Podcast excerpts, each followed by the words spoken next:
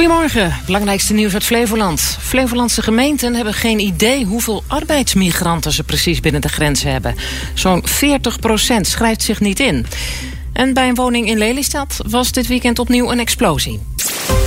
Goedemorgen, de vakantie is voorbij, dus fijn dat jij er ook weer zo vroeg bij bent.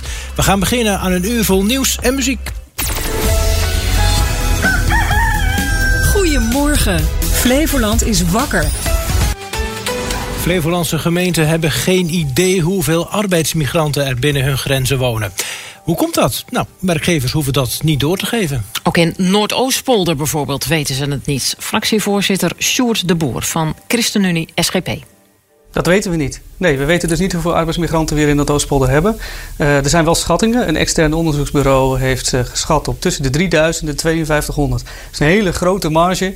Maar we weten dus niet exact hoeveel arbeidsmigranten we hier in dat Oostpolder hebben. En dat is best wel een probleem dat we dat niet weten. De politiek in Den Haag kreeg daar al eerder lucht van na een rapport dat aangaf dat de registratie beter moest. Een nieuwe wet die 1 januari volgend jaar ingaat, zou dat moeten oplossen.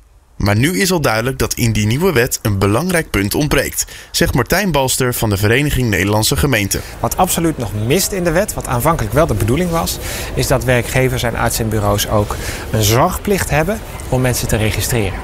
En dat we ze er ook op kunnen aanspreken dat dat gebeurt bij hun werknemers. Dat lijkt mij ook in het belang van een goed werkgever. Die wil weten wie waar werkt en wie waar woont. Uh, en wil ook weten dat de huisvesting op orde is voordat je uh, migranten uh, haalt. Nou, die zorgplicht die ontbreekt op dit moment in de wet. En dat maakt dat we onvoldoende waarborg hebben voor die registratie. En heel veel gemeenten zich buitengewoon veel zorgen maken of deze wet daarmee voldoende doet om de positie van arbeidsmigranten en ook hun buren te verbeteren in al die gemeenten waar het om gaat. Niet alleen de gemeente heeft dus veel belang bij een goede registratie. Ook arbeidsmigranten hebben er baat bij dat gemeenten een goed overzicht hebben. Ja, we zien uh, heel veel misstanden in, uh, in veel gemeenten ontstaan. Met name rond de huisvesting. En daarachterliggend uh, de arbeidsomstandigheden waar, waar mensen mee te maken hebben. En je wil als overheid natuurlijk ervoor zorgen dat, dat huisvesting en arbeidsomstandigheden op orde zijn. En het minste wat je dan moet weten is wie waar woont en wie waar werkt. Om die controles goed uit te kunnen oefenen. We hebben zelfs signalen gekregen binnen de gemeente dat een arbeidsmigrant ziek of zwanger is. En op die reden dan de huisvesting stopt. Omdat iemand geen werk meer heeft. Nou, dat soort situaties wil je goed kunnen aanpakken. Iemand goed kunnen doorverwijzen. Want iedereen in Nederland heeft recht op een sociaal vangnet. En dat geldt ook voor de arbeidsmigrant. Op dit moment is de wet in behandeling in de Tweede Kamer. We doen ook een dringend appel op de politiek. De registratie is cruciaal om misstanden te kunnen bestrijden. Te kunnen handhaven op, op vreselijke praktijken die wij tegenkomen. Daarvoor is registratie cruciaal. En wij dringen daar bij de Kamer en bij de minister op aan om die registratie, de zorgplicht voor de registratie, ook op te nemen in de wet, zodat we daar een sluitende aanpak voor kunnen maken. Mijn missie is geslaagd, dat zegt Marike Adrichem, de eerste verloskundige van Noordoostpolder. Toen zij 40 jaar geleden met haar praktijk begon, was het helemaal niet vanzelfsprekend. Ja, sterker nog, er was sprake van tegenwerking, intimidatie en zelfs bedreigingen. De reportage is van Marjan van Ens.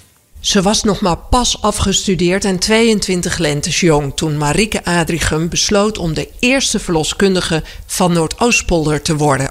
Het was een beslissing met grote gevolgen, want wat volgde was een tijd van tegenwerking. Ja, als ik op terugkijk, dan is het inderdaad heel bijzonder. Toen ik erin zat, nou, toen ik ermee begon, vond ik het eigenlijk helemaal niet bijzonder, maar gaandeweg werd het moeilijk. Ehm ja, heel lastig eigenlijk. Want in die tijd, nu 40 jaar geleden, was het in de polder gebruikelijk dat huisartsen de bevallingen deden. Zij zagen Adrichem als concurrentie. Er was ook nog geen maatschappelijk draagvlak voor een verloskundige. Op het dieptepunt waren er zelfs persoonlijke bedreigingen. En zwangere vrouwen die voor een verloskundige kozen, roeiden eveneens tegen de stroom in. Eigenlijk de eerste zwangeren die zich aanmelden, die. Uh uh, ja, die waren eigenlijk ook heel dapper. En uh, dat werd niet door, de door veel huisartsen ook niet in dank afgenomen, eigenlijk eerlijk gezegd. Maar dat weerhield Jetty van Maurek er niet van toch bij de verloskundige aan te kloppen. Maar toen heb ik er nog wel even over nagedacht. Ik dacht van jeetje, ik vond het op een of andere manier toch wel spannend of zo. Die weerstand bracht bij mij op een gegeven moment ook gewoon een twijfel aan mijzelf. Ik, ik werd er niet bepaald uh, zelfverzekerd van, eigenlijk. En ja, je hebt ook uh, inkomsten nodig om je praktijk te draaien. Uh, nou ja, dat was op een gegeven moment ook gewoon heel erg weinig. Ja, ik denk ja, dat, dat, dat houdt geen stand. Maar de eerste verloskundige van de polder gaf niet op. En ze was er dan ook bij toen het kindje van Jetty van Maurik zich s'avonds laat aandiende. En op een of andere manier vond ik dat zo uh, rustgevend of zo. Ja. Ik dacht van, oh, maar wat er ook gebeurt, Marieke is er en het komt goed. Na een paar jaar was de weerstand tegen verloskundigen in de polder gebroken. En in de jaren negentig, toen Adrichem inmiddels zelf ook moeder was, groeide de praktijk verder uit. Het was ook een hele mooie tijd. Onze kinderen klein, het werk was overzichtelijk. Uh, ja, dat was echt heel, heel fijn. Inmiddels werken er 11 verloskundigen en 20 kraamverzorgenden in de verloskundige praktijk. Bijna 500 baby's per jaar worden ter wereld geholpen. Nou ja, dat we nu hier zijn, uh, ja, dat is natuurlijk geweldig. Ja, ja missie geslaagd. Ja, zei uh, Marika Adrichem. Later deze week meer over het 40-jarige bestaan van de verloskunde in Noordoostpolder. Wat heb je gisteravond zo gemist op radio, tv, noem maar op? Nou, laten we beginnen bij Nieuwsuur. Daar ging het over eh, de rechtszaak tegen Ridouan Taghi en medeverdachten. Morgen zijn de uitspraken. Nieuwsuur blikte terug en sprak de, besprak de gevolgen van het hele proces voor de rechtsstaat met hoogleraar strafrecht Sven Brinkhoff. Nou ja, eigenlijk op ontelbaar veel manieren. Bijvoorbeeld, het heeft heel veel angst gebracht eigenlijk in die hele strafrechtspleging de dreiging waar ook professionals nou mee te maken hebben. Dat is er eentje. Maar ook uh, de rol van de advocatuur in dit soort zaken. Die is natuurlijk toch ja, uh, in, in, een soort kwaad daglicht gekomen. Hoe ga je daar nou voor de toekomst mee om? Op welke Wat, manier is dat in een kwaad Nou ja, bijvoorbeeld door de, de, in ieder geval de zaak tegen Wesky en een andere advocaat. De advocaat van Taghi die op een ja, zeker moment gearresteerd precies. is. Dus dat is uh, ook voor de toekomst. Hoe ga je daar in dit soort zaken mee om? Met een advocaat die natuurlijk, uh, wat mij betreft, en dat zijn, veel mensen denken daarover, ook een belangrijk onderdeel zijn van die rechtsstaat. Die moet je natuurlijk wel bijhouden. Hij benadrukte het advies om minder in te zetten op kroongetuigen en meer op andere vormen van bewijsverzameling. Nou, in ieder geval uh, niet uitbreiden, niet verruimen, maar juist minder inzetten, minder vaak. Het gebeurt al niet vaak, maar nog minder. En juist als politie zijn er meer inzet op andere manieren van bewijsverzameling. Bijvoorbeeld wat we de laatste jaren veel hebben gezien met PGP-berichten. Daar is heel veel bewijs uitgekomen. Mijn advies zou zijn, ga nou meer daarop inzetten. En ga wat af van die kroongetuigen. Want je maakt jezelf als staat ook zo kwetsbaar... als je dit soort middelen inzet, met dit soort mensen in zee gaat... Ja. en alles wat daardoor kan gebeuren. Dijkstra en Evenblij ter plekke sprak met Eritreërs over hun leven in Nederland en hun banden met Eritrea. De Eritrese Medani reageerde op de rellen vorig weekend in Den Haag tussen Eritreërs. Ik snap dat uh, ja, de mensen boos over zijn en uh, ja, dat ze eigenlijk uh, een hele andere beeld over Eritrese mensen hebben. Uh, ja, dat is gewoon heel jammer. Maar dat is gewoon, uh, als je dan kijkt zeg maar, hoeveel mensen in Nederland wonen van de Eritrese gemeenschap. En hoeveel mensen die, uh, of hoeveel jongeren bij de rellen zijn geweest. Ja, dat is gewoon een uh, grote verschil. Saba is gevlucht uit Eritrea en vertelde wat de kerk voor hun gemeenschap betekent. Ja, dat is verbinding. Hm. Uh, eerst met geloof, dan ook met de gemeenschap. Ook voor die kinderen, voor de toekomst. Hij moet ook weten waar hij komt vandaan, de taal, het geloof ook. Dus hij moet ook weten, straks, wie weet, wij gaan ook naar Eritrea terug. Ja. Als het uh, anders wordt. Dus. Nou, dat waren wat zaken die je gisteren mogelijk hebt gemist op radio en tv.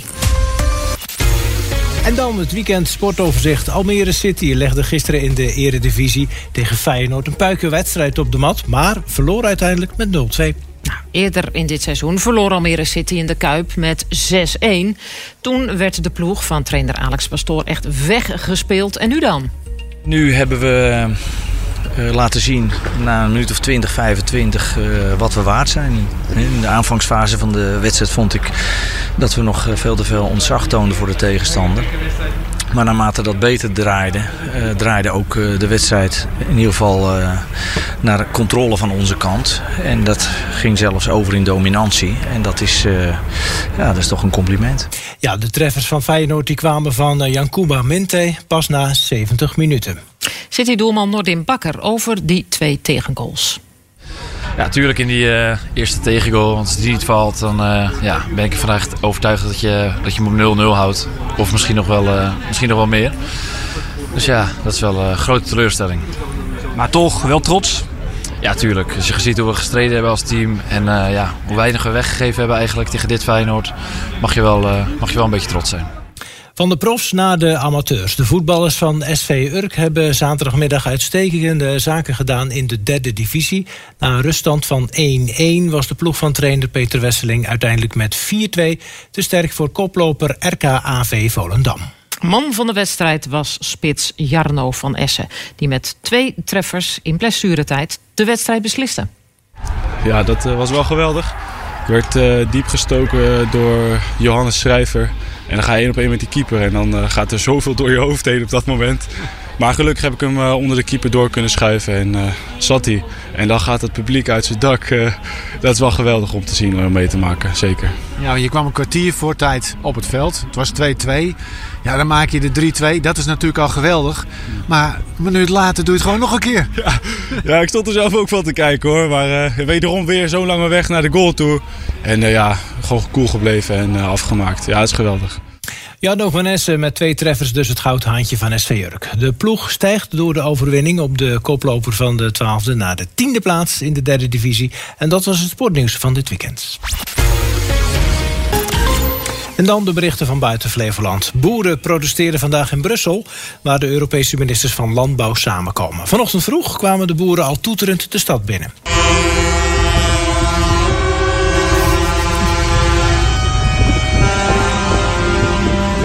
Ja, dat is een lekkere pokken, ja. Heel inhoudelijk fragment dit. ja. De politie roept mensen op om uh, Brussel te mijden vandaag als het lukt, want er wordt veel verkeershinder verwacht. Het Israëlische leger gaat de zuidelijke grensstad Rafah in de Gazastrook hoe dan ook binnenvallen. Ook als er een wekenlange wapenstilstand tussen Hamas en Israël komt. Dat zegt premier Netanyahu. If we have a deal, it'll be delayed somewhat, uh, but it'll happen. If we don't have a deal, we'll do it anyway. Uh, it has to be done because total victory is our goal and total victory is within reach. Not months away, weeks away once we begin the operation. Hij zegt dus dat de operatie hooguit iets wordt vertraagd als er een wapenstilstand komt. Daar wordt in Parijs over gesproken. Ook het vrijlaten van gijzelaars en gevangenen is onderwerp van gesprek. Volendam, dat is de nieuwe hekkensluiter van de eredivisie. werd thuis verloren met 4-0 van Heerenveen. En daar baalt spits Robert Muren natuurlijk van. Ja, dat is uh, zwaar kloten. En, uh, helemaal thuis. Uh, we hebben heel weinig punten gepakt dit seizoen thuis. En dat is natuurlijk voor ja, de mensen die elke week weer komen... dat is natuurlijk ook verschrikkelijk. Is het dan leuk op zo'n dag als vandaag om voetballen te zijn? We balen nu natuurlijk. Nou, het blijft een leuk spelletje. Eerst stond de Vitesse nog onderaan, maar de Arnhemmers wisten gisteren voor het eerst in acht wedstrijden te winnen. En daardoor loopt Vitesse drie punten uit op Volendam. Ja, nog wat nieuws uit de kranten van deze maandag 26 februari dan. De snelgroeiende wachtlijsten voor een aansluiting op het stroomnet staan vol met aanvragen van bedrijven die die aansluiting waarschijnlijk helemaal niet nodig hebben, schrijft het FD. En dat leidt niet alleen tot verspilling van de middelen van netbeheerders. Het geeft ook een vertroebeld beeld van de omvang van het probleem en van de plaatsen waar netbeheerders het beste kunnen investeren.